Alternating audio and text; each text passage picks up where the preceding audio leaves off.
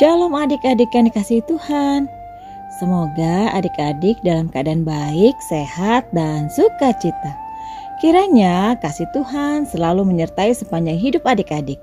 Renungan hari ini dari kitab Filemon pasal yang pertama ayat 8 sampai 17. Kita akan belajar dari dua orang tokoh yaitu Filemon dan Onesimus. Semoga renungan ini dapat menjadi berkat bagi kita semua. Lipat tangan tutup mata kita berdoa minta penyertaan dari Tuhan. Bapa di surga, kami mau mendengarkan firman-Mu. Kami mohon penyertaan-Mu agar kami bisa memahami firman Tuhan dan melakukannya dalam hidup kami. Dalam nama Tuhan Yesus, amin. Filemon 1 ayat 8 sampai 17. Dengan judul perikop permintaan Paulus kepada Filemon mengenai Onesimus. Karena itu, sekalipun di dalam Kristus aku mempunyai kebebasan penuh untuk memerintahkan kepadamu apa yang harus engkau lakukan, tetapi mengingat kasihmu itu, lebih baik aku memintanya daripadamu. Aku, Paulus, yang sudah menjadi tua, lagi pula sekarang dipenjarakan karena Kristus Yesus mengajukan permintaan kepadamu mengenai anakku yang kudapat selagi aku dalam penjara, yakni Onesimus. Dahulu memang dia tidak berguna bagimu, tetapi sekarang sangat berguna baik bagimu maupun bagiku. Dia kusuruh kembali kepadamu, dia yaitu buah hatiku.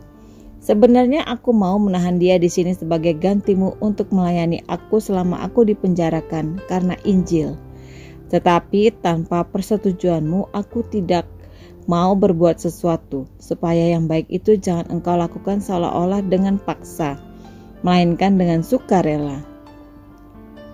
Sebab mungkin karena itulah dia dipisahkan sejak daripadamu, supaya engkau dapat menerimanya untuk selama-lamanya, bukan lagi sebagai hamba, melainkan lebih daripada hamba, yaitu sebagai saudara yang kekasih Bagiku sudah demikian, apalagi bagimu, baik secara manusia maupun di dalam Tuhan. Kalau engkau menganggap aku temanmu seiman, terimalah dia seperti aku sendiri. Demikian bacaan firman Tuhan hari ini.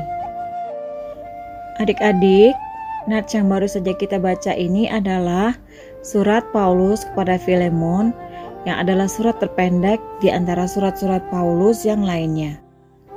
Paulus menulis surat ini karena Onesimus, seorang budak yang telah melarikan diri dari majikannya yaitu Filemon. Filemon artinya adalah teman yang penuh kasih. Filemon berasal dari kota Kolose. Ia memiliki strata sosial yang tinggi, kaya, terkemuka, dan mempunyai banyak budak, di antaranya Onesimus. Onesimus lari dengan membawa harta milik Filemon dan menyembunyikan diri di tengah keramaian kota Roma. Di situ Onesimus mengenal Paulus dan Paulus membawa dia kepada Kristus. Suatu ikatan persaudaraan yang kuat berkembang di antara Onesimus dan Paulus.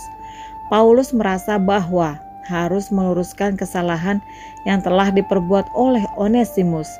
Oleh karena itu, Paulus mengirimnya kembali kepada bekas majikannya dengan membawa surat ini yang menghimbaunya untuk menerima dan memaafkan Onesimus kembali.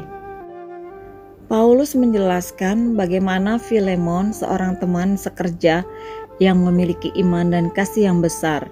Paulus sangat berharap bahwa Filemon akan menerima Onesimus, karena di hadapan Paulus, Filemon dan Onesimus tidak dipandangnya sebagai hubungan antara tuan dan hamba, tetapi menjadi saudara di dalam Kristus. Dengan tujuan yang lebih dalam dan mulia, Paulus menyurati Filemon untuk menerima kembali Onesimus yang kini bersamanya. Paulus menerangkan bahwa Onesimus bisa diharapkan untuk membantu pelayanannya. Paulus berharap Filemon mau memaafkan Onesimus dan menerimanya kembali, namun bukan lagi sebagai budak tetapi sebagai orang merdeka yang diterima dalam keluarga secara setara untuk bisa melakukan pelayanan bersama-sama. Demi hormatnya kepada Paulus dan pelayanan kepada Tuhan, Filemon menerima dan mengampuni Onesimus. Onesimus diberikan kemerdekaan yang menjadikannya setara dengan saudara-saudara yang lain dan bukan lagi sebagai budak. Dengan kesetiaannya melayani Tuhan menurut tradisi, Onesimus kemudian menjadi salah satu pemimpin suatu gereja Kristen. Bahkan diperkirakan ia menjadi uskup di Efesus dan mengumpulkan surat-surat Paulus yang ada. Belajar dari kisah ini, kita juga mau memaafkan orang yang bersalah kepada kita. Mari kita ingatkan diri kita, aku mau memaafkan orang yang bersalah kepadaku. Sekali lagi, aku mau memaafkan orang yang bersalah kepadaku. Mari kita berdoa. Bapa di surga, mampukan kami untuk senantiasa memaafkan orang yang bersalah kepada kami demi hormat dan syukur kami atas pengampunan yang telah Tuhan berikan kepada kami. Dalam nama Tuhan Yesus, amin. Ingat ya adik-adik, seperti Filemon yang sudah memaafkan kesalahan Onesimus, kita juga mau memaafkan orang yang bersalah kepada kita. Tuhan Yesus memberkati.